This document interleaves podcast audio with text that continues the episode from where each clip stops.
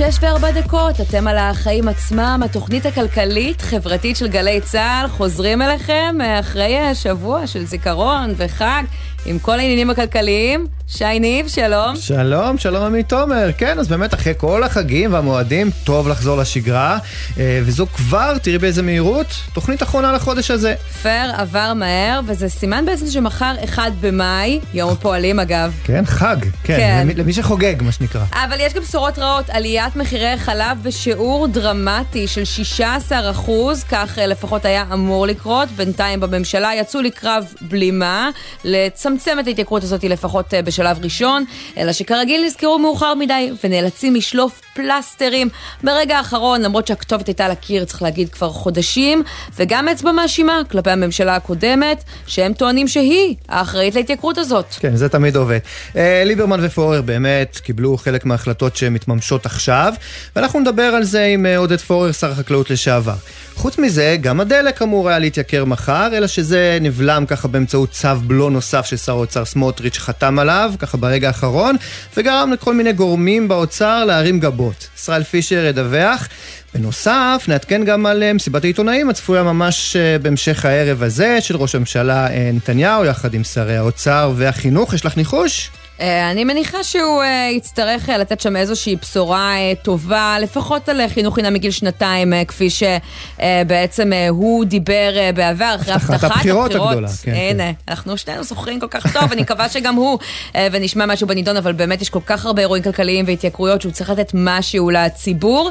חוץ מזה, אנחנו נתעכב על השאלה אם חלום העבודה מהבית מתרחק מאיתנו. יש מחקר מעניין חדש שמראה שכן, ויש גם בדיקה שאנחנו עשינו, שמראה איך בחודשים האחרונים האם חוקי המשחק בעולם העבודה השתנו, ונסיים עם קפיצה קצרה לגרמניה, שם אה, ישיקו מחר מהפכה, לא פחות, כן. בתחבורה הציבורית. חופשי חודשי ב-49 אירו, נשמע אה, לא רע בכלל. ייתכן שיש לנו מה ללמוד מהם אה, גם בנושא הזה. נגיע לזה בסוף, מה הכותרת שלך, עמית? הכותרת שלי מגיעה מוועדת הכלכלה, שם אה, מכינים בימים אלו את הפרקים הכלכליים בחוק ההסדרים, שדי נהדר בשורות מבחינת יוקר המחיה. את זה לא רק אני אומרת, אומר לא פעם יושב ראש הוועדה דוד ביטן בדיונים, והיום הוא הביא רעיון מעניין לשולחן. אנחנו דיברנו פה לא פעם על ההצעה שמטרתה לתת לרשתות המזון תמריץ לשלב יותר יצרנים קטנים ובינוניים במדפים שלהן, לתת לקמעונאים שרוב הסחורה על המדף שלהם את היכולת לפתוח סניפים נוספים ללא אישורים ובירוקרטיות, אבל אה, זה רק גזר. שמי שלא מעוניין לנגוס בו יכול להמשיך לנהוג כבעבר, וכיום באף רשת מזון המצב לא קרוב לזה, לפי הנתונים של אה, משרד האוצר.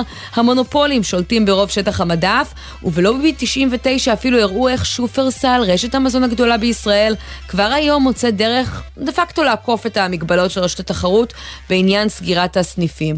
אז היום הכריז אה, דוד ביטן בדיון, זה לא מספיק, לצד הגזר צריך גם מקל, והוא מציע להטיל קנס על יצרנים שלא עומדים בזה, של עד 100 מיליון שקלים. עכשיו, אני לא יודעת אם זה יקרה, אם זה יקרה זה מאוד דרמטי, כי כאמור, אף רשת היום לא עומדת בקריטריונים האלו, אבל אולי הגיע הזמן שהם יתחילו לפחות uh, להשתפר. אני מניחה שבסוף, אם זה יקרה, זה ייגמר באיזשהו מתווה uh, הדרגתי. כרגע uh, זה עומד במקום שבו uh, במשרד האוצר uh, צריכים לבדוק בימים הקרובים uh, מה עמדתם uh, בנושא, כך על פי בקשת הוועדה, uh, ויהיה עוד דיון בהמשך השבוע לראות אם אפשר להכניס את זה לחוק ההסדרים. התקציב אמור לעבור בסוף החודש. יש עוד מספיק זמן לקבל את הביקורת ולהביא, כמו הבשורה הזאת, אגב, בעוד נושאים, בשורות בתחום יוקר המחיה. בתקציב הנוכחי, בכל זאת, על זה הם רצו לבחירות, כמו שאתה אמרת. לגמרי. טוב, אה, כן, את זוכרת את התמונה המפורסמת של ראש הממשלה נתניהו באותו מפגש אה, עם אה, מנכ"לי משרדי הממשלה, כשכולם, כולם שם גברים, ורק אחת אישה ביניהם? אלת תנא? אלת תנא? זו הייתה מנכ"לית אה, משרד העבודה, תאירי פרגן. כן, אז בישיבת הממשלה שהתקיימה היום, הבוקר, אושר מינויה של דוקטור גלי סמבירה לתפקיד מנכ"לית משרד ההסברה. עוד אישה מנהלת, בשעה טובה, מה שנקרא. ואפילו מנהלת מוכשרת, עם רקורד מוכח, ועל זה צריך להגיד מילה טובה לשרה אה, גלית דיסטל אטבריאן. בעולם מתוקן, אה, בטח שלא היינו צריכים לפרגן על דבר כל כך בסיסי וכל כך טבעי, אבל לצערנו אנחנו לא ממש חיים בעולם אה, אה, מתוקן שכזה. ואיך אני יודע שאנחנו לא חיים בעולם מתוקן? חוץ מזה שמדובר במשרד אה, ככה די מיותר בעיניי. כי הנה, לפי הדיווחים מסוף השבוע האחרון, גם אותה מנהלת יחידה, אה, אה, תאיר איפרגן, צפויה ללכת הביתה. למה? כי שר העבודה יואב בן צור מש"ס צפוי לפי אותם דיווחים למנות במקומה מנכ"ל אחר, גבר בטח אה, ניחשת. עכשיו זה מזכיר לי ביקור שעשיתי לפני שנה בעיריית בני ברק, במסגרת משלחת עיתונאים שארגנה תוכנית אה, מעוז. אוקיי. אה, שאלנו שם, למה לא רואים נשים ברשימות לכנסת של ש"ס, של יהדות התורה? אגב, ביקור מאוד אה, אה, מרשים ומעניין במגזר החרדי. התשובה שקיבלנו מבכיר בעירייה הדהימה אותנו. אה, הוא אמר שאם יחייבו אותם, זה יקרה, פשוט ככה. הוא אפילו נתן דוגמה. בחברה העירונית של בני ברק, החוק מחייב ייצוג הולם לנשים בדירקטוריון, אז יש דירקטוריות בבני ברק. וכולם שם, אגב, חיים בסדר גמור עם זה לגמרי. לפעמים צריך לחייב, זו המסקנה, תקראי לזה אפליה מתקנת, תקראי לזה, וואלה, זו שנת 2023, אבל לא יכול להיות שלא יהיו פה מנהלות במשרדי הממשלה, בדיוק כמו שלא יכול להיות שמפלגות ירוצו לכנסת עם רשימות של גברים בלבד. בהחלט, ולחייב על הנייר זה לא מספיק, אנחנו רואים אה, במגזר הציבורי שיש כל מיני יעדים וחובות לשילוב אה, נשים במשרדים, גם בעמדות בחירות, גם אה, במשרות בכלל. דה פקטו, כל שנה אנחנו מדברים על הנתונים שמראים פער אדיר בין מה שאמור לקרות לבין המציאות. ואת יודעת, יש את הגישה הזו שאומרת אה, זה תהליך וזה יקרה באופן טבעי. לא, לפעמים צריך להפוך את זה לחובה, ורק ככה זה עובד. בהחלט. נתחיל? יאללה. אז אנחנו פותחים עם אה, החלב ומוצריו המפוקחים, באמת המוצרים הבסיסיים ביותר שיש לכל אחד במקרר, אה, וממחר הם יעלו יותר, והשאלה היא בכמה. אה, בסוף השבוע התבשרנו ככה על התייקרות בימים האחרונים של 16 אחוזים, משמע עוד שקל לכל קרטון חלב, ואלו המספרים גם במוצרים האחרים פחות או יותר, אבל עכשיו מנסים ברגע האחרון, ולמרות שכבר חודשים הם יודעים שזה אמור לקרות, במשרד האוצר, אפילו במשרד ראש הממשלה, בקדחדנות. למנוע את ההתייקרות הזאת, או לפחות לצמצם אותה ממש. ועינב קרנר, כתבתם על צרכנות, את עם הסיכויים, ואיך הם מתכוונים לעשות את זה? שלום. שלום לשניכם. אז תראו, לפי שעה, ממה שאני מבינה, מנסים אה, להביא את העלייה מחר לכיוון ה-8.25 אה, אחוז, ובעצם את היתר לחלק בשלוש פעימות. זאת אומרת שבמקום שליטר אה, חלב שלושה אחוזים בקרטון יעלה בשקל, זה יעלה בסביבות החצי שקל. אבל... כן חשוב לציין שנכון לשעה זו המחלבות לא קיבלו שום עדכון. זאת אומרת שכל הדיונים והשיחות מתנהלות בתוך הממשלה בין שרי האוצר, יותר נכון מנכ"לים גם של האוצר, של החקלאות במשרד ראש הממשלה, ויש פה עוד נקודה שהיא לא ברורה עדיין. אנשים, אבל רק אולי תסבירי עינב שאין להם בעצם סמכות לקבל את ההחלטה הזאת לבד, נכון? לפי uh, בעצם המתווה של uh, מנגנון המחירים. לגמרי. המתווה האחרון שסוכם ביוני אשתקד קובע שוועדת המחירים, שאגב אגב, משותפת גם למשרדי האוצר וגם לחקלאות, היא זו שקובעת את המחיר המפוקח ללא צורך בחתימת שרים, ועכשיו בעצם מה שעשה השר סמוטריץ' ביום חמישי האחרון יחד עם השר אה, דיכטר, הם בעצם אה, פועלים בניגוד למה שהחליטה ועדת המחירים, אבל ממה שאני שומעת, לא בטוח שהצו הזה הוא קביל מבחינה משפטית מכל מיני סיבות. יכול להיות שנראה פה לראות... הליכה אפילו לבג"ץ מצד, אה, מצד יצרני החלב?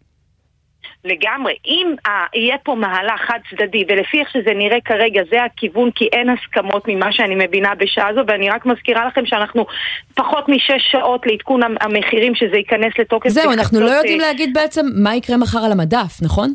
נכון, וזה הבעיה הגדולה, כי גם הקמעונאים כרגע בחוסר ודאות מוחלט, גם המחלבות לא יודעים האם לציין 16 אחוזים, האם לציין 8 אחוזים, האם לציין 9 אחוזים, אף אחד לא יודע אה, מה הולך להיות, ולכן כרגע הכל אה, פתוח, אנחנו צריכים לחכות ולראות באמת מה יהיה בשורה התחתונה, האם בכלל הצו הזה יעבור כפי שהם אה, רצו, אבל כן נגיד משפט אחד לסיכום, גם אם הצו יעבור אה, לפי 8 אחוזים או 9 אחוזים, וזאת תהיה עלייה חלקית, אז נגיד שזה עדיין עלייה מאוד מאוד גבוהה, גם אם זה לא כל העלייה, אבל ההשלכות של זה זה שגם המחירים של המוצרים הלא מפוקחים יעלו, כמו שראינו למשל במרס 2019, כן. וגם עוד דבר שיכול להיות זה צמצום הייצור של המוצרים המפוקחים, ולכן הצרכנים יפסידו מכל הכיוונים. יפה. עינב קרנה, כתבתם על צרכנות, את uh, תמשיכי לעקוב, אולי ניתן למאזינים את העצה שאנחנו בדרך כלל נותנים על דלק, אם נגמר לכם החלב, אתם עוד יכולים לקנות היום, מי יודע מה יהיה המחיר מחר. אבל לא לשתות אותו, רק לקנות.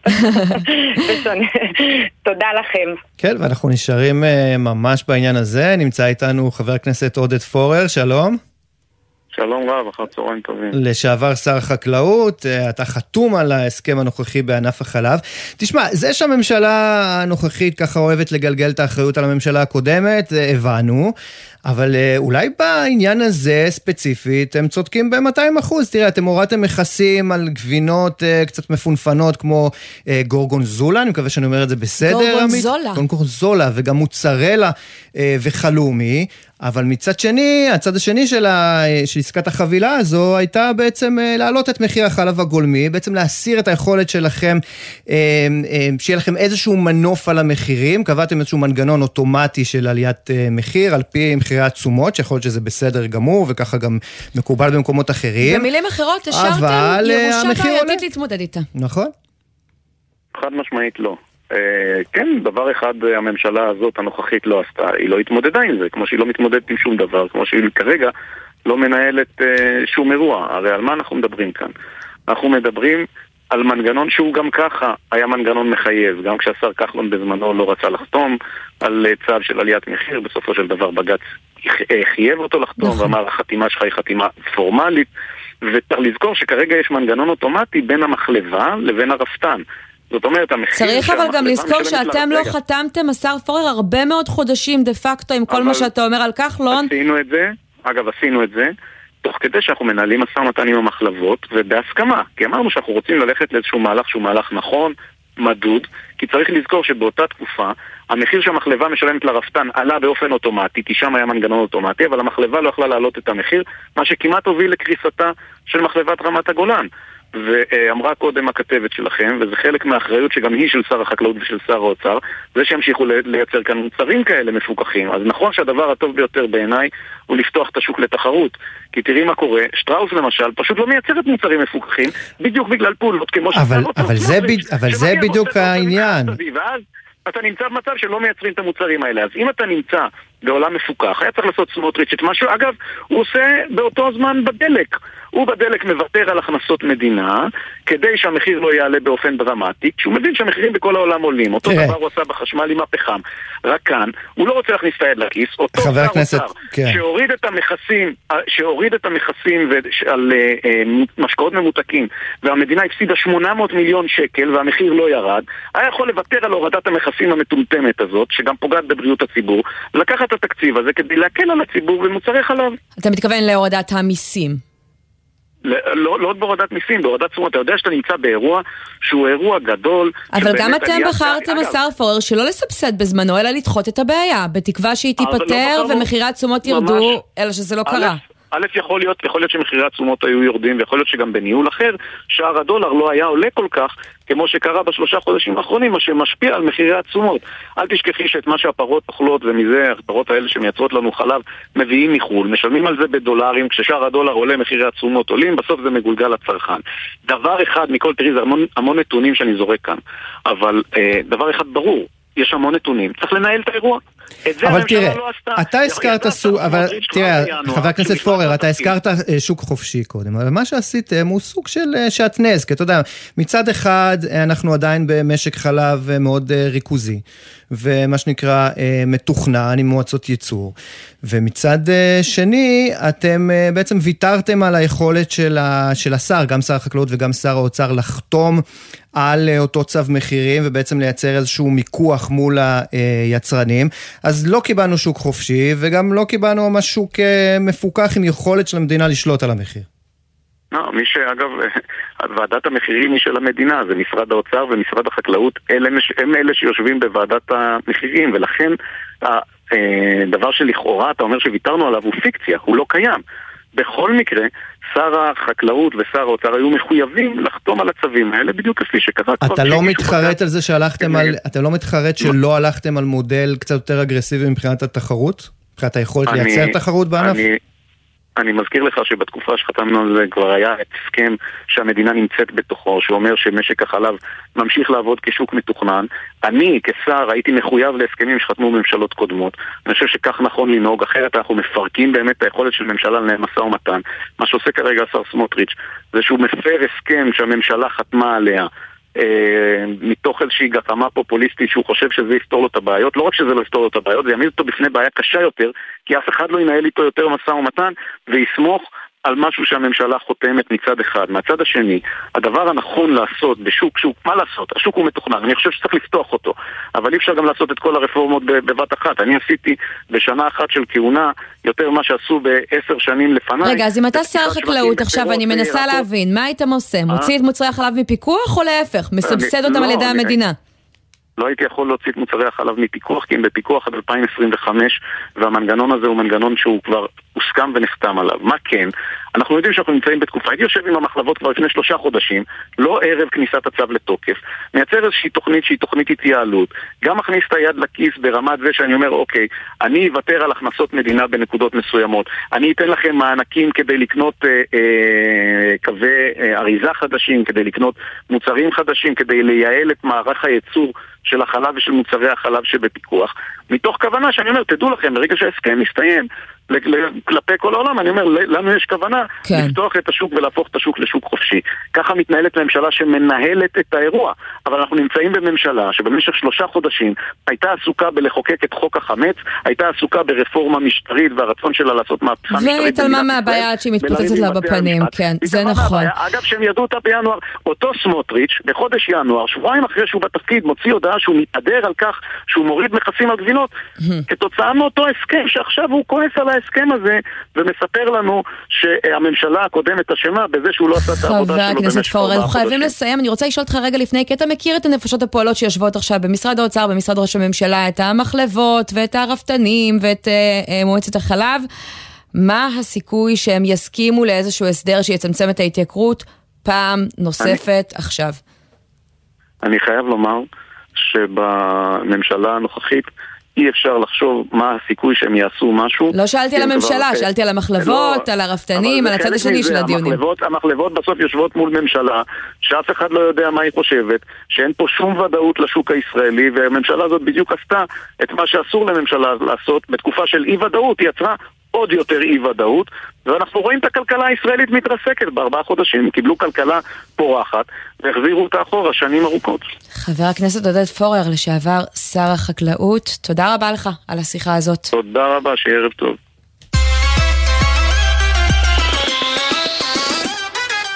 נקפוץ לירושלים? כן, כן, הנה, מסיבת עיתונאים, אה, מתי? שעה וחצי? ממש בעוד אה, משהו כמו שעה, ראש הממשלה, שר האוצר, שר החינוך, יכנסו כולם הערב אה, מסיבת עיתונאים בנושא חינוך חינם מגילאי 0 עד 3. אני לא בטוחה שזו הכותרת שתצא משם. כנראה 2 עד 3. אבל בואו נבין איזה בשורות אולי כן, עם יובל מילר, כתבתני חינוך, שלום. שלום, ערב טוב. אז כאמור באמת ראש הממשלה בנימין נתניהו צפוי, בעצם הוא יכנס שרי האוצר והחינוך אה, אה, כדי למסור הצהרה לתקשורת אחרי פגישה שהתקיימה היום בשעות הצהריים בין הצדדים כמו שציינתם, שקשורה לחינוך חינם מגיל 0 עד 3 בתחילת הבוקר הפגישה הזאת הוגדרה כחשובה ומכרעת גורמים מעורבים ככה בשיחות טענו בפנינו כי בהמשך היום באמת צפויה להיות הצהרה משמעותית בנושא. זאת אומרת שידעו מראש על מה הולכת להיות הפגישה הזאת ועל מה הולכים לדון בה. אה, אז כן נרשמה אחרי הפגישה הזאת אופטימיות זהירה בין הצדדים, זה ככה אנחנו יכולים אה, אה, להגיד. אופטימיות למה? שיהיה סבסוד מגיל שנתיים? שיהיה סבסוד באופן כללי? אופטימיות, אז זהו, הערכות הן שהולכים להתחיל ביישום חלקי של התוכנית הזאת, של תוכנית לחינוך חינם מגיל 0 עד 3, לא הולכים ליישם ממש תוכנית גדולה שכזאת, כי אם אנחנו מדברים באמת על העלות של יישום של כל, כל הילדים מגילי 0 עד 3, אה, גם במעונות הפרטיים וגם במעונות המסובסדים זה חמישה מיליארד שקלים. ככה שאנחנו, אה, הערכות הן שלא מדובר על אה, מקור תקציבי שנמצא לכל הילדים בנושא הזה, אבל כן אנחנו, הערכות הן שמדובר על מציאת מקור תקציבי לגילי שנתיים. הייתה... וכנראה...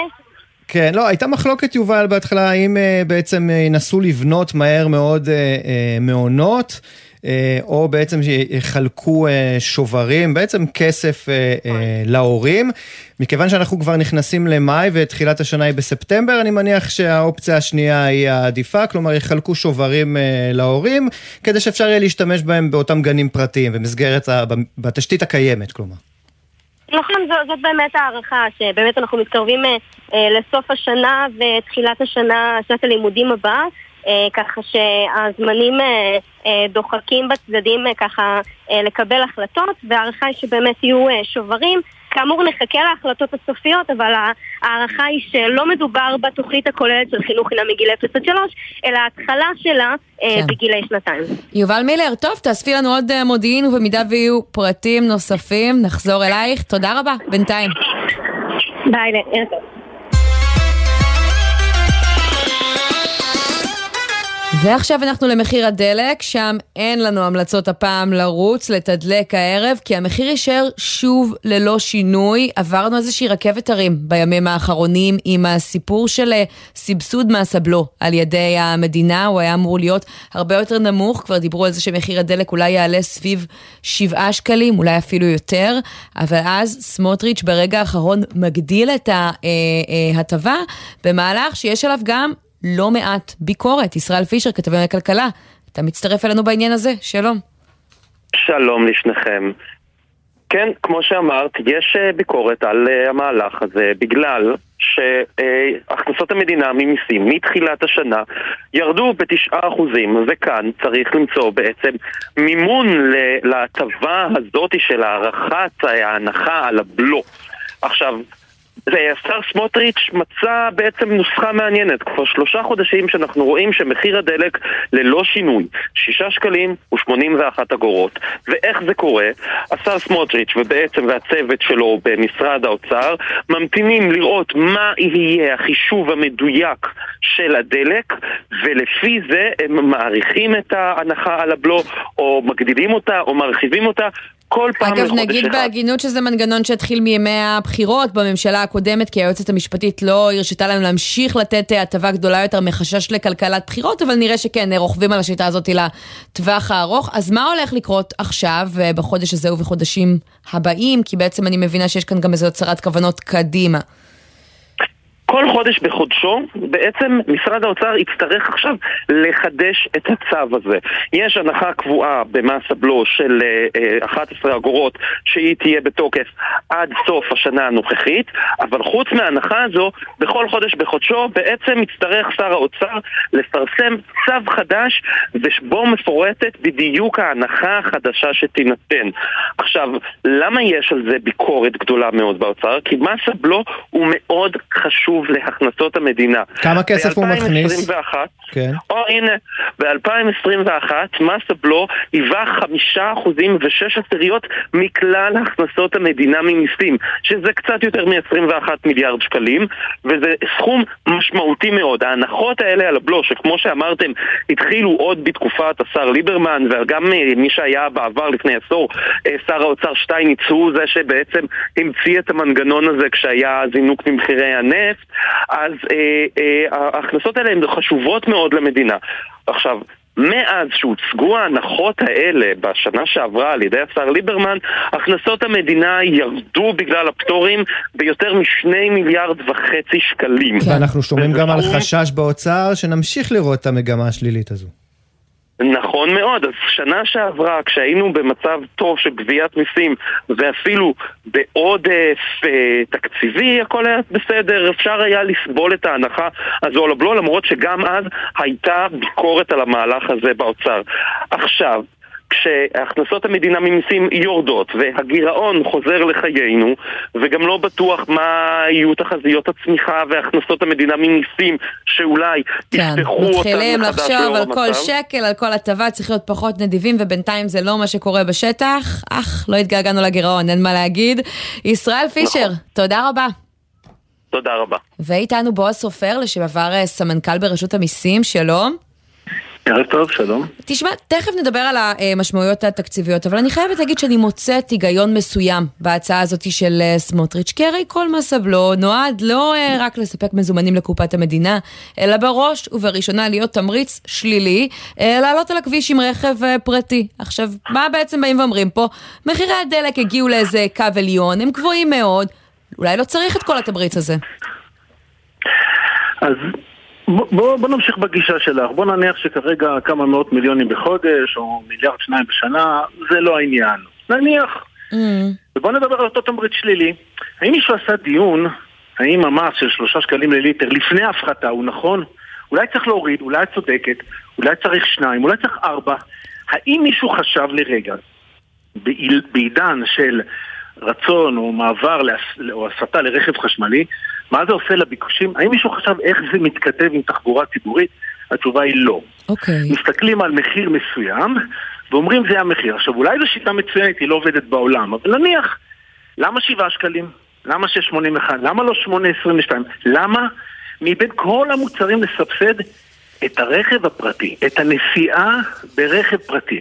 כלומר בסוף מישהו ניסה פה לתפוס בזנבו של הדרקון ואמר שטויות, זמני. אז אתה אומר אין פה מדיניות, אין פה מדיניות אה, לתמרץ אה, אה, תחבורה ציבורית, לתמרץ אולי כלים אה, אה, נקיים יותר מבחינת אה, תחבורה, גם אם אנחנו מדברים על רכבים אה, אה, פרטיים, אה, ובעצם אה, אנחנו מקבלים אה, כל מיני שליפות מהמותן.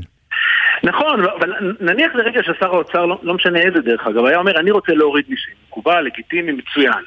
האם הדבר הראשון שהוא היה צריך לעשות זה בבנזין או אולי בדברים אחרים? כלומר, יש פה גם דיון חסר שמסתכלים על ענף הדלק או ענף הרכב לכשעצמו, יש פה דיון חסר ביחס להיבטים רוחביים. כלומר, יש פה איזה מין שליפה שאומרת, אנחנו קבענו 681. עכשיו, 681, מי שזוכר, זה הרבה פחות מכפי שהגיע הבנזין בזמנו, שעבר את השמונה שקלים. עכשיו, אני לא אומר זה טוב זה רע, mm. אבל צריך לזכור שבסוף מבנה הדלק בעולם מורכב ממס קצוב בכל, או ברוב המוחלט של מדינות העולם. למרות שמס הבלו לא לדעתי בישראל הוא, מה, הוא הראשון או השני הגבוהים ביותר בעולם.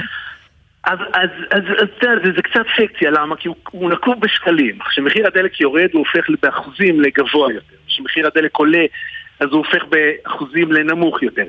זה, זה קצת חסר ערך, אבל, אבל, אבל לצורך הדיון, גם אם הוא גבוה וגם אם הוא נמוך, ולרגע אני בכלל לא מתייחס לזה, אפשר לעשות דיון ולהחליט שצריך להוריד או להעלות. כלומר, אין מניעה לעשות דיון, אבל לא נעשה שום דיון. הדיון היחידי אמר 6.81, ואז, תאמיני לי, גם מומחים מסתכלים ולא מצליחים להבין לא את ההפחתות, לא את ההורדות, לא את החישובים. כן. יש, פה איזה, יש פה איזה משהו שמנסה להתמודד עם תנודות בעולם. וננסה להגיד בוא נסבסד את זה, ורק לחודש אחד או לחודשיים.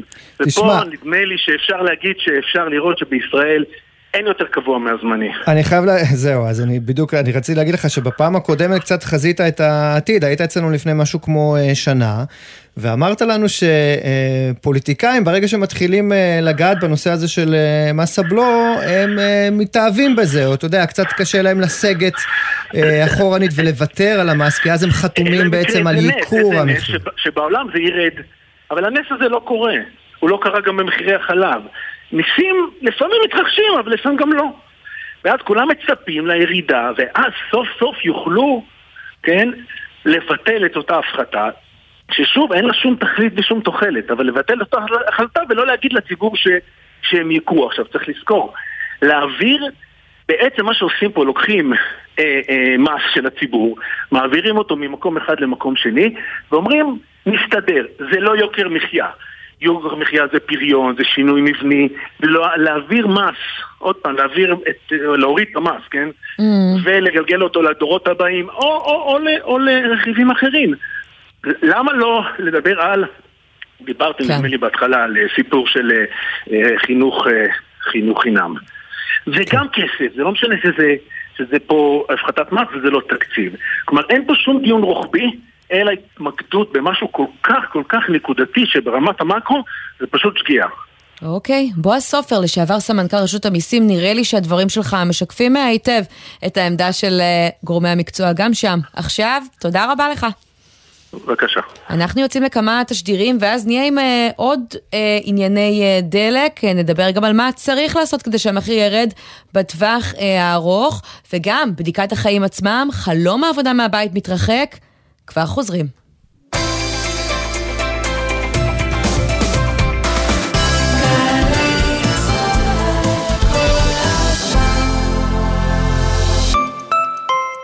אתם עומדים לשמוע הרבה... וגם... אני לא מאמינה! ולא מעט... זכינו! אלפי זכאים יזכו השנה להגשים חלום ולזכות בדירה בהנחה בהגרלות של משרד הבינוי והשיכון ורשות מקרקעי ישראל. אז בהנחה שאין לכם דירה ובהנחה שאתם זוג נשוי או רווקים בני 35 ומעלה, יש לכם סיכוי לזכות בדירה בהנחה. חפשו ברשת דירה בהנחה, כפוף לתקנון.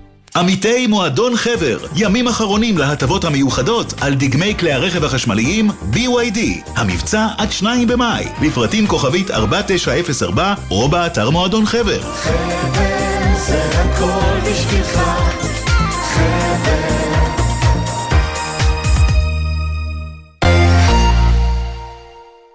שלום, כאן טלי ליפקין שחר. כמה קרובה באמת איראן לפצצה? האם חיסול רבי מחבלים תורם למלחמה בטרור? ואיך תשמור ישראל על העליונות האווירית המוחלטת שלה בשמי המזרח התיכון?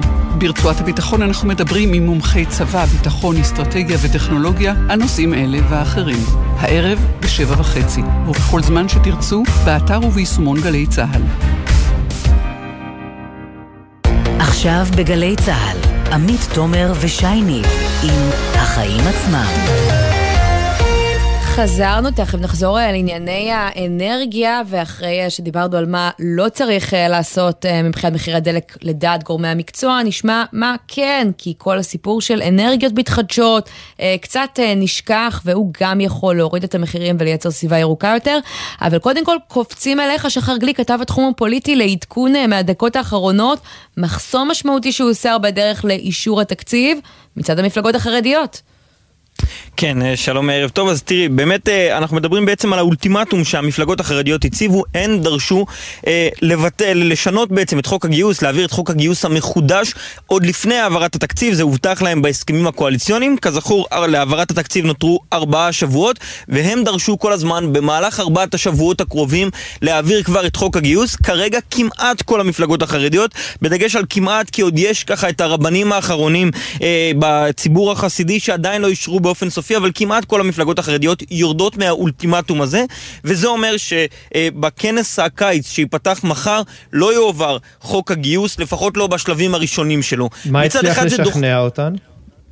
מצד, אה, כמה דברים. קודם כל, גורם בכיר ביהדות התורה אומר לנו לפני זמן קצר, בסוף אנחנו לא צריכים את התקציב כמנוף לחץ. זאת אומרת, זו לא ממשלת חליפין, התקציב זה לא הדרך היחידה להפיל ממשלה, ואם נראה שהדברים שאנחנו דורשים לא מתקיימים, אנחנו יכולים להפיל את הממשלה בכל יום ראשון בהצבעת אי אמון, בלי צורך בתקציב, ולכן זה לא מנוף הלחץ היחידי. הדבר השני שהם אומרים זה בסוף נותרו ארבעה שבועות בלבד להעביר את התקציב, ועדיף להתרכז בכך שהתקציב יכלול כמה שיותר דברים שמועילים להם מאשר להתרכז בנושאים האחרים. אבל בכל אופן, ככה או ככה, הנושא הזה לא יכול להתגלגל יותר מדי זמן. בסוף, בסוף השנה, באוגוסט אפילו, לא צריך בסוף השנה, בעוד שלושה חודשים אה, פחות או יותר, פוקע אה, חוק הגיוס הנוכחי, בית המשפט שוב ושוב האריך אה, את הפקיעה שלו אה, מאז 2017, בליכוד מן הסתם יבקשו שוב הארכה גם הפעם, אבל עכשיו אין תירוץ כמו שהיה עד עכשיו של מערכת בחירות, ולכן הגיוני מאוד שבית המשפט לא ייתן להם דחייה נוספת, ולכן ככה או ככה בתוך שלושה חודשים הסיפור הזה יצטרך ללכת לאנשהו, כן. אבל כן זה נותן דחייה משמעותית. נגיד רגע רק דבר אחד על ההשפעה של זה על התקציב, בתקציב המדינה מי שמאוד מאוד רצה שהחוק הזה יעבור מהר הם פקידי האוצר, בשביל שיתפנה להם עוד כסף אה, כדי לשחרר למשרד הביטחון. הסיפור הזה נתקע, ולכן באופן טבעי הגיוני מאוד שהדרישות של השר גלנט להעלאת שכר אה, משרתי הסדיר, המילואים, הקבע והפנסיות לא אה, תיענה מידי האוצר. אז מצד אחד, מכשול אה, נוסף הוסר בדרך לאישור התקציב, ומהצד השני אנחנו מבינים שעוד מקור תקציבי שבנו אליו נעדר ממנו. שחר גליק, כתב התחום הפוליטי, תודה רבה. תודה.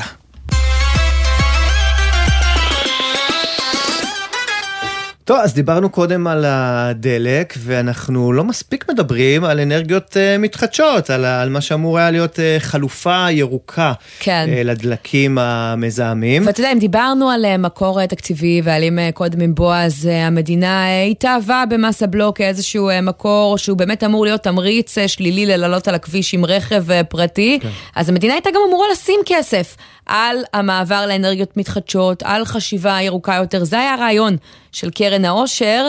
בדיוק, והזכרת את קרן העושר, מה שראינו ביום חמישי האחרון זה ששר האוצר סמוטריץ' מודיע שקרן העושר, לפחות בקרן הזו, לא הולכים להשקיע אפילו שקל באנרגיות אה, מתחדשות, היו איזושהי, כל מיני תקוות שאנחנו נקבל איזושהי בשורה מהכיוון הזה, כי לאט לאט הקרן כן. הזו הולכת ומתמלאת. ועם זה אנחנו רוצים לדבר עם אלעד הוכמן, מנכ"ל ארגון מגמה ירוקה, שלום.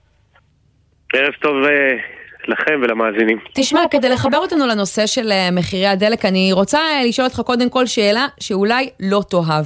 אנרגיות מתחדשות, אם אנחנו הולכים על זה, מקדמים את זה בכל הכוח, חוץ מהסיפור הירוק, הסביבתי, איך זה ישפיע על מחירי הדלק? בסופו של דבר אנחנו, אנחנו רואים שני מגמות מאוד משמעותיות בעולם. אחד זה החדירה של רכבים חשמליים, כלומר מערכות תחבורה חשמליות, אם זה רכבת וזה מה שאנחנו באמת צריכים לכוון אליו, רכבות חשמליות, אבל גם תחבורה פרטית, חשמלית, אוטובוסים חשמליים. ובמקביל אנרגיות מתחדשות. למעשה אנרגיה מתחדשת, קרני השמש, הם תחנת הדלק הקבועה במדינת ישראל. למעלה מ-300 ימי, אה, ימי שמש ממוצעים יבטיחו שיהיה פה אנרגיה גם לתחבורה, ואנחנו רואים את זה, מי שקונה היום רכב, אה, אה, רכב חשמלי, מרגיש את זה כבר בכיס, ומי שקונה רכב חשמלי ומתקין על הגג שלו פאנלים סולאריים, זה גם חוסך מחירי חשמל. למה שאלתי את זה? כי אני אה, אומרת, אז גם אם אנחנו נכנסים כרגע לראש של בצלאל סמוטריץ', שר האוצר, שנראה כרגע שלהוריד את אה, המחירים, זה הדבר אה, שמעניין אותו. אתה אומר, גם במישור הזה זה יכול לעזור, אבל כמה זמן זה ייקח? אנחנו מדברים על השקעות שצריכות להיות השקעות בתשתית. אה, דרך אגב, במקביל, בצל, אותו בצלאל סמוטריץ', בחוק התשתיות, התשתיות וחוק ההסדרים, משהו שלא מרבים לדבר עליו, מקדם אה, מקדם תחנות דלק, תחנות כוח פוסיליות על, על בסיס דלקים מזהמים בכל רחבי הארץ, אנחנו מדברים על עשרות תוכניות שייקח להקים אותם עשרות שנים, והם כמובן יחייבו את, בגלל ההשקעות האדירות של המדינה בתחום הזה, אנחנו נתחייב ושוב אנחנו נתמכר לאותם דלקים פוסיליים מסוכנים שפוגעים ב, ב, גם בכיס שלנו, גם בבריאות שלנו, אבל מאוד מטיבים עם, אה, עם אותם אה, חברות דלק ואותן חברות אה, קידוח שאנחנו מכירים כן. ממימי הים התיכון. אתם הזכרתם את קרן העושר, הרי זו הונאה של הציבור בצורה הכי ברורה. אנחנו ציפינו לקבל כסף, הבטיחו לנו עשרות מיליארדים בקרן העושר, אנחנו עדיין לא רואים את הכסף מי הזה. מי הבטיח לכם? יש כמה מיליארדים בודדים, צריך לומר, זה מתחיל אה, להיערם לאט לאט. אה, הבטיחו בקרן באופן כללי, אני חשבתי לכם לארגונים הירוקים, לאנרגיות המתחדשות. לא, לא, מה הבטיחו אבל שיוקצה לאנרגיות מתחדשות מתוך הסכום הזה? אפס מאופס. לצערי שום דבר, יש אינטרסים מאוד ברורים לחברות הדלק וחברות הגז למנוע מעבר של, אה, אה, מעבר של המשק הישראלי לאנרגיות מתחדשות, זה פוגע להם בכיס וברווחים, וההפך, פה בדיוק עושים הפוך, אוקיי? במקום המגמה העולמית, תראו, אנחנו בהשוואה לעולם, אנחנו מדברים על אה, באמת... אה, פחות מעשרה אחוז, אה, פחות מעשרה אחוז אנרגיה מתחדשת בישראל, החמה, למשל במרוקו, אוקיי? בוא נשווה את עצמנו לא למדינה כמו, אני לא יודע, הר גרמניה, מרוקו. אנחנו מדברים על ימים שיש שם 90 אה, ואפילו 100 אחוז 100% שימוש באנרגיה מתחדשת בשמש. אז יש את, ה, יש את החלופות, יש את האפשרויות, אבל בסופו של דבר... אבל תשמע, אתה אומר יש את האפשרויות, הזכרת קודם לוחות סולאריים, תשמע, ואתה אומר אפשר אפילו להרוויח מזה. אז קודם כל אתה צריך שיהיה לך בית פרטי גם עם גג מתאים. אחר כך העלויות, אה, ככה למי שלא מכיר את זה, זה משהו בין 30 אלף שקלים ל-40 אלף שקלים רק כדי להקים דבר כזה, ורק אז, ואחרי כמה שנים, אתה יכול להתחיל להרוויח מזה שאתה מוכר חשמל. סיפור. אז זה לא כזה פשוט. בוא אני אספר לך סיפור. אנחנו מדברים על חוק ההסדרים הקודם וחוק ההסדרים הנוכחי, שאנחנו דוחפים, אנחנו לא מדברים רק על האנשים עם הבתים הפרטיים, בואו נדבר על אה, גנים, אה, גני ילדים, בואו נדבר על בתי ספר, בואו נדבר על מוסדות המדינה. היית מצפה שמוסדות המדינה יפעלו אך ורק על אנרגיה, על אנרגיה מתחדשת. היית מצפה שמי שישקיע בדבר הזה זה יהיה זה תהיה המדינה, וככה גם ירדו העלויות של החינוך שלנו. לסתם, למשל, אוקיי, אם אנחנו מדברים על גני ילדים או על בתי ספר, האם יש את, הד... האם יש את הדבר הזה? לא. לא, גם זה לא. הרב, גם, גם אגף, אגף תקציבים, אגף תקציבים, סירב לחוקק חוק שאומר שכל מוסד מדינה חייב לקדם אה, פאנלים, אה, פאנלים סולאריים על בסיס הגגות. כלומר, לייצר, לייצר אה, קודם כל בתוך המוסדות של המדינה, בתוך הבניינים ששייכים למדינה, לייצר אה, חשמל סולארי. אז אנחנו מדברים ממש על התנגדות. ו- ולכן באמת קשה מאוד להיכנס ל- לנעליים של, אה, או לראש של אה, בצלאל סמוטריץ' כשר אוצר, שהוא ממש פועל נגד אזרחי ישראל בדבר הזה. ואני אגיד עוד דבר, היום, לצערי הרב, בוועדת שרים לענייני חקיקה, נדחה חוק האקלים. עכשיו, הוא נדחה בפעם המי יודע כמה. גם בממשלה הקודמת, אגב. לחלוטין, אנחנו מדברים, תראה, אגף תקציבים ומשרד האוצר, אנחנו לא מדברים על בשורה, אנחנו מדברים על אותם אנשים, על אותם, אה, על אותם פקידים, אנחנו מדברים על המשך המדיניות שאנחנו ראינו בעשור ויותר האחרון. אה, של, אה, של ממשלות נתניהו שהיו, ממשלות נתניהו שהיו באמת יציבות. אנחנו לא מדברים על שינוי בתפיסה הכלכלית או המקרו-כלכלית של מדינת ישראל, ואנחנו הולכים הפוך מהמגמות שקורות בעולם. כן. היום נדחה חוק האקלים, אנחנו... למעשה חוק התשתיות בחוק ההסדרים מקודם בכל הכוח, ודווקא החוק שצריך להכניס לנו כסף לכיס וצריך לגרום לבריאות שלנו להיות יותר טובה, חוק האקלים צריך להגיד גם יעלה לא מעט כסף, הוא לא רק יכניס אה, כסף לכיס, אבל אין ספק שיש לו חשיבות מסוג אה, אחר, גם לא רק אה, כלכלית. בטווח הארוך. אז אם מדברים על מספרים, זיהום האוויר במדינת ישראל, במדינת ישראל עולה למעלה מ-31 מיליארד שקל, זה בערך תקציב משרד החינוך, אולי קצת פחות. אם אנחנו נפחית את זיהום האוויר ונפחית את המוות בטרם עת, נפחית את, ה, את, ה, את הכאב הכל כך גדול הזה שפוקד כל אזרח במדינת ישראל, אנחנו גם נרוויח כסף, אבל אנחנו גם נזכה לחיים טובים, אה, טובים יותר, ולצערי, המשבר הזה הוא משבר, אני סקרנית אה, לשמוע איך, אה, איך מרוויחים מזה כסף, אבל לצערי נגמר לנו הזמן, אז נזמין אותך שוב. אלעד הוכמן, מנכ"ל ארגון מגמה ירוקה, תודה רבה לך. תודה רבה לכם.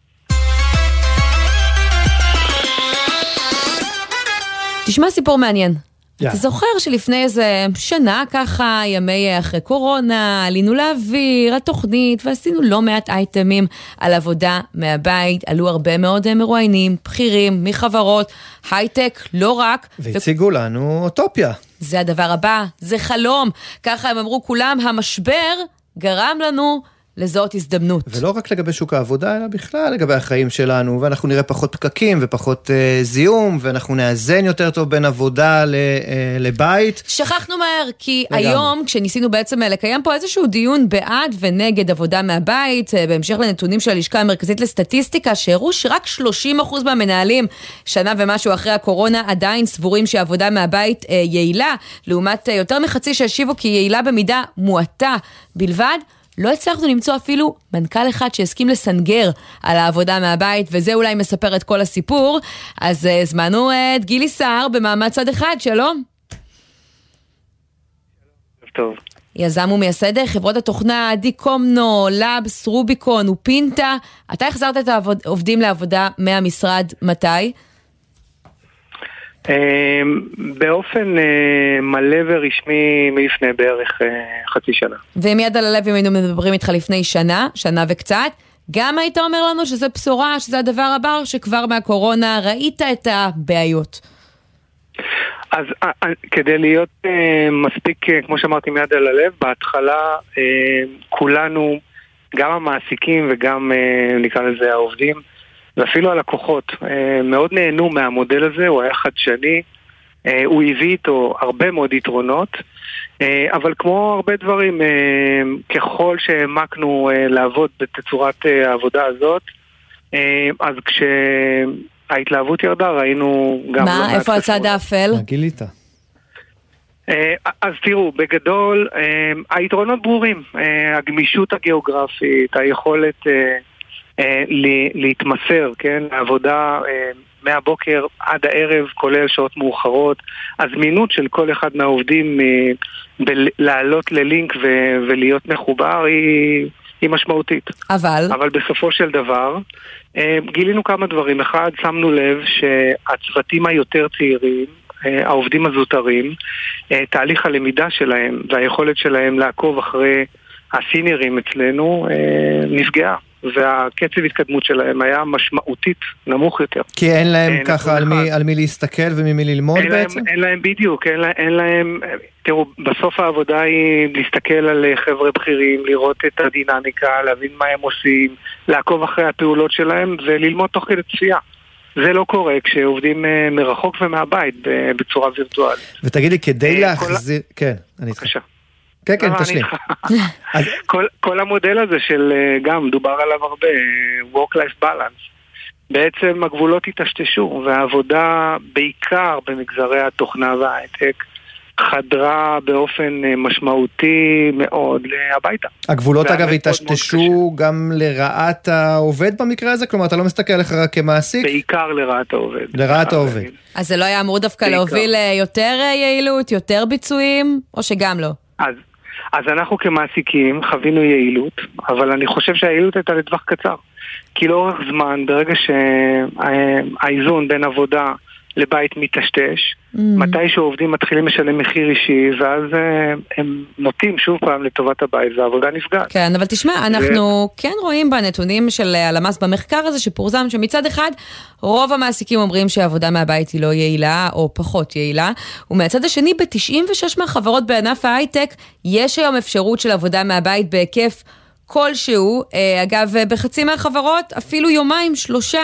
מהבית. אז איך אתה מתמודד עם הדבר הזה כשאתה מודיע אה, לעובדים, אתם צריכים לחזור למשרד, איך הם מגיבים שהם יודעים שהחברים שלהם מחברות אחרות מתנהלים אחרת?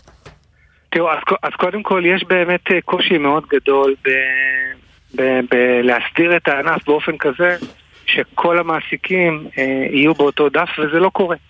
אה, אני חושב שאם נגיע ל, לסוף השיחה בינינו ותשאלו אותי מה, מה המודל הנכון, אני חושב שבסוף ה... הקצוות משני הצדדים, כן? עבודה רק במשרדים אה, עם אה, הפקקים הנוראים שיש כאן, או עבודה רק מהבית עם החסרונות שלה, זה בעייתי וזה בעייתי. אני חושב שדרך המלך היא עבודה היברידית, אבל רק במידה שהעובדים עצמם מגדירים את זה ככזו. השאלה איך נראה התהליך הזה אצלך, של החזרת העובדים למשרד? כלומר, זה היה מסע שכנוע ככה ארוך ומעייף לא. מול העובדים, או שהם אני- סך הכל לא, קיבלו אני- את זה מהר? לא, אז, אז ככה, אה, הרבה מאוד עובדים, ושוב פעם, זה, זה בסוף כולם, אה, יש פה איזה אפקט העדר. הרבה מאוד עובדים, אה, ואני מדבר על בערך 60% מהעובדים שלנו, ביקשו באופן יזום לחזור לעבוד או מלא או באופן היברידי במשרדים. כי הם חוו קושי, אני, אני תמיד נותן את הדוגמה של מנהלת פיתוח מאוד בכירה אצלנו, שבשלב מסוים היא ביקשה להיפגש איתי, ופשוט אמרה, אני רוצה לחזור למשרדים, נמאס לי לעבוד עם פיג'מה, בלי להתאפר, אני רוצה לצאת, אני רוצה לפגוש לקוחות, אני רוצה לראות אנחנו שומעים גם הרבה מאוד עובדים. אחרים, צריך אה, להגיד את זה, אחרי שמכרו לנו את חלום העבודה מהבית, לא כל העובדים אה, מרגישים שהם אה, התעוררו למציאות טובה יותר בחזרה למשרד. אמת, את צודקת לגמרי. ולכן, כמו שאמרתי, אני חושב שדרך המלך היא עבודה היברידית. גם וגם. איך אתם עובדים אגב? כמה ימים בשבוע העובדים שלכם מגיעים למשרד עכשיו? פעמיים. אה, פעמיים מהבית, אה, שלוש פעמים אה, מהמשרד. אה, מעניין. ואנחנו נותנים, ואנחנו נותנים גמישות גדולה למנהלי צוותים, לראשי צוותים, מנהלי פרויקטים. לפעמים להגדיר את זה פר פרויקט או פר קבוצת הפיתוח שלהם, בהתאם לצורך של הפרויקט או לצורך של המוצר שאותו הם. ואתם מרגישים שמצאתם. את נקודת האיזון המתאימה היום? אני מקווה שכן, תראו, אנחנו בתהליך נושם. אה, התחלנו בסגרים וכולם מאוד מאוד אה, היו בעד אה, המודל של עבודה מהבית, כולם גילו את זה, זה היה מדהים, אה, סגרנו משרדים, חסכנו נדל"ן, חסכנו המון המון אה, תשתיות מצד אחד, מצד שני ראינו המון חסרונות של זה, כולל אפילו מה שאני קורא רחוק מהעין רחוק מהלב. כן. אתה לא רואה את העובדים, אתה לא חווה אותם, אתה פחות מכיר אותם גם ברמה האישית, אתה פחות ער לקשיים שלהם, וזה יוצר אה, בעיות, זה יוצר מתחים. אז- אני טוען שהרבה מהמפוטרים שהענף חווה עכשיו, הם כאלה שהמעסיקים שלהם אה, לא הרגישו אותם מספיק, אז היה להם יותר קל אה, לשחרר אותם. מעניין. טוב, אז חוזרים לעבוד מהבית, מהמשרד, אבל לא לגמרי, גם מהבית. הנה, תראה, אני כבר התרגלתי. אנחנו באים לאולפן אגב כל יום, תמיד, גם בקורונה, גם אתם יכולים. גם- סתם. אגב, גם אצלנו זה היברידי, זה חצי פיג'מה, חצי על עקבים. אני חושב, אני חושב נחש שזה של יפו. גילי סער. יזם ומייסד חברות התוכנה דיקומנו, לאבס, רוביקון ועוד ועוד. תודה רבה לך על השיחה המעניינת הזאת. תודה לכם, בבקשה.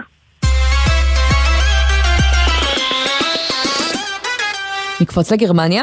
יאללה, יש מהפכה, שמעתי. כן, תחבורה ציבורית בגרמניה תעלה מעכשיו חופשי חודשי ב-49 יורו כדי לגרום לאנשים לוותר על הרכב. אני חייבת להגיד שבהשוואה למילקי זה לא נשמע לי כל כך אה, זול ביחס למצב אה, בישראל. תשמעי, לפני כן זה היה 180 אה, אירו. וצריך לזכור שאנחנו ארץ קטנה ושם אה, המחוזות הם רבים. כן, תראי, 49 יורו אנחנו מדברים על כ-200 שקלים. בישראל כולל- לדעתי חופשי חודשי הוא 250 אבל זה שקלים. כולל את כל הרכבות, נכון. כל האוטובוסים, ובואי, התחבורה הציבורית שם קצת, קצת אחרת. יותר אחרת ויעילה. אז האם זה יגרום לגרמנים לוותר על הרכב הפרטי? בואו נדבר על זה עם אמיר יצחקוב לוין. אמיר בברלין, שלום. אהלן, אהלן, הרצי שווילקומן. אתה גוטן מצטרף אלינו טאק. מברלין, ואמיר בברלין זה גם המותג, מדריך תיירים שם, שלום. תגיד, יש לך אהלן, רכב? אהלן. אה, תראי, לי אישית יש רכב, אפילו יותר מאחד, למה אני יותר עושה טיולים. מאחד? כן, לי, לי אישית, אין מה לעשות, העסק מחייב, אבל לשכנים שלי אין Mhm. רכב, לא תאמינו. רגע, אבל למה שלא תתחיל לקחת תיירים עכשיו כשזה כל כך זול ואטרקטיבי ב- בתחבורה לא, לא, הציבורית אני עושה את הנהדרת זה, של אני גרמניה? עושה את זה. עושה את זה, אני מציע סיורים ברגל ובשימוש תחבורה ציבורית, אבל לפעמים יש אנשים שמגיעים ורוצים אה, סיור ברכב, רוצים אולי סיור יותר אינטימי, פרטי, Mm. אז אני מחזיק גם כשיהיה לי בעצם את האופציה הזו. כן, ברור. אבל אם- אם עסקינן, בעצם כל הרעיון הזה של 49 אירו בחודש, התחיל מאיזשהו אה, פרויקט מדהים שנה שעברה בקיץ, בחודשי הקיץ, כשכל גרמניה יצאה לחופשת הקיץ המפורסמת, יוני, יולי, אוגוסט. אז דיברו על לא תשעה רצו, וגם יורו, בגלל אם אני עליית... זוכרת נכון. אז, נכון, היה תשעה אירו לחודש בכל גרמניה. זו הייתה הצלחה מטורפת. כן, תשעה אירו, הם אפילו יורו, סביר פרסמו- תהיה הצלחה. לגמרי, הם אפילו פרסמו שערים שהיו פקוקות לפני כן, יומיים שלושה אחרי פשוט חדלו להיות uh, פקוקות, לא היה פקקים פתאום. וזה יקרה גם אני חייב לציין, בכמעט 50 אירו לדעתך? אני מקווה... אני מקווה מאוד, אני חושב, בלי קשר, רק לציין לכם שהגרמנים, או יותר נכון ברלינאים, כן נוסעים בתחבורה ציבורית, והמון, יש פה אפילו יותר בעלי אופניים מבעלי רכבים. הגרמני הממוצע, ואני מדבר אפילו עורכי דין, נוסעים בתחבורה ציבורית. אין פה חשש, אין פה בעיה, זה לא נתפס כמשהו זול מהבחינה של אני, אלא כמשהו ידידותי, התחבורה פה עובדת 24-7, Mm.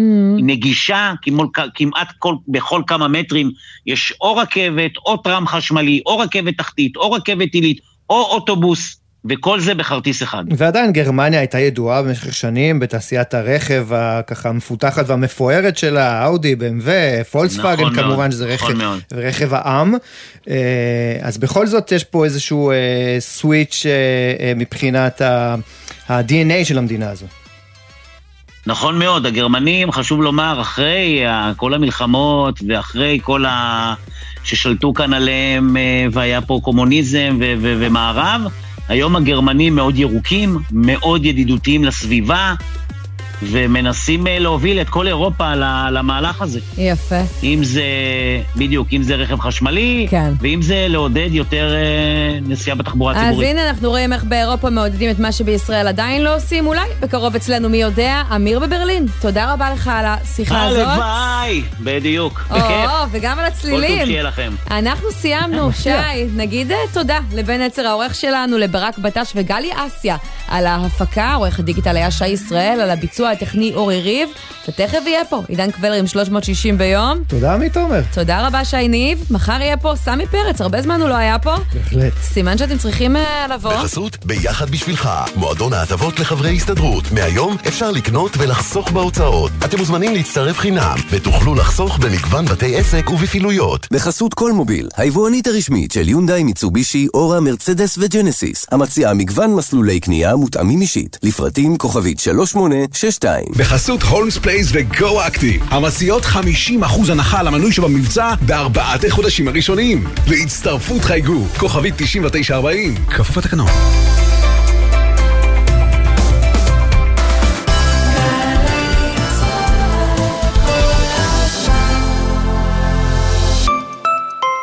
סליחה, יש לי שאלה על חשבון החשמל. יש לי תשובה. שלח הודעה לחברת החשמל. 055 700 0103 יפה. חברת החשמל, זמינים גם בוואטסאפ. שלחתי. כמה זה יחס אישי, כפול מרצים מעולים, לחלק לכיתות קטנות? התשובה? 90% השמה בשנה שעברה. עזריאלי, חממה למהנדסי העתיד ולמהנדסות העתיד. מזמינה אתכם ליום הפתוח. יום שישי, חמישה במאי, כוכבי 9087.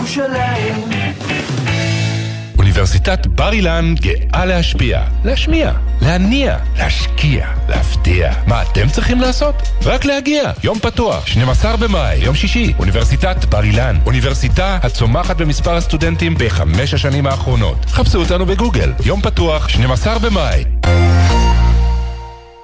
החזיקו חזק, כי אנחנו עומדים לנסוע בזמן. לפני במהלך ו... אחרי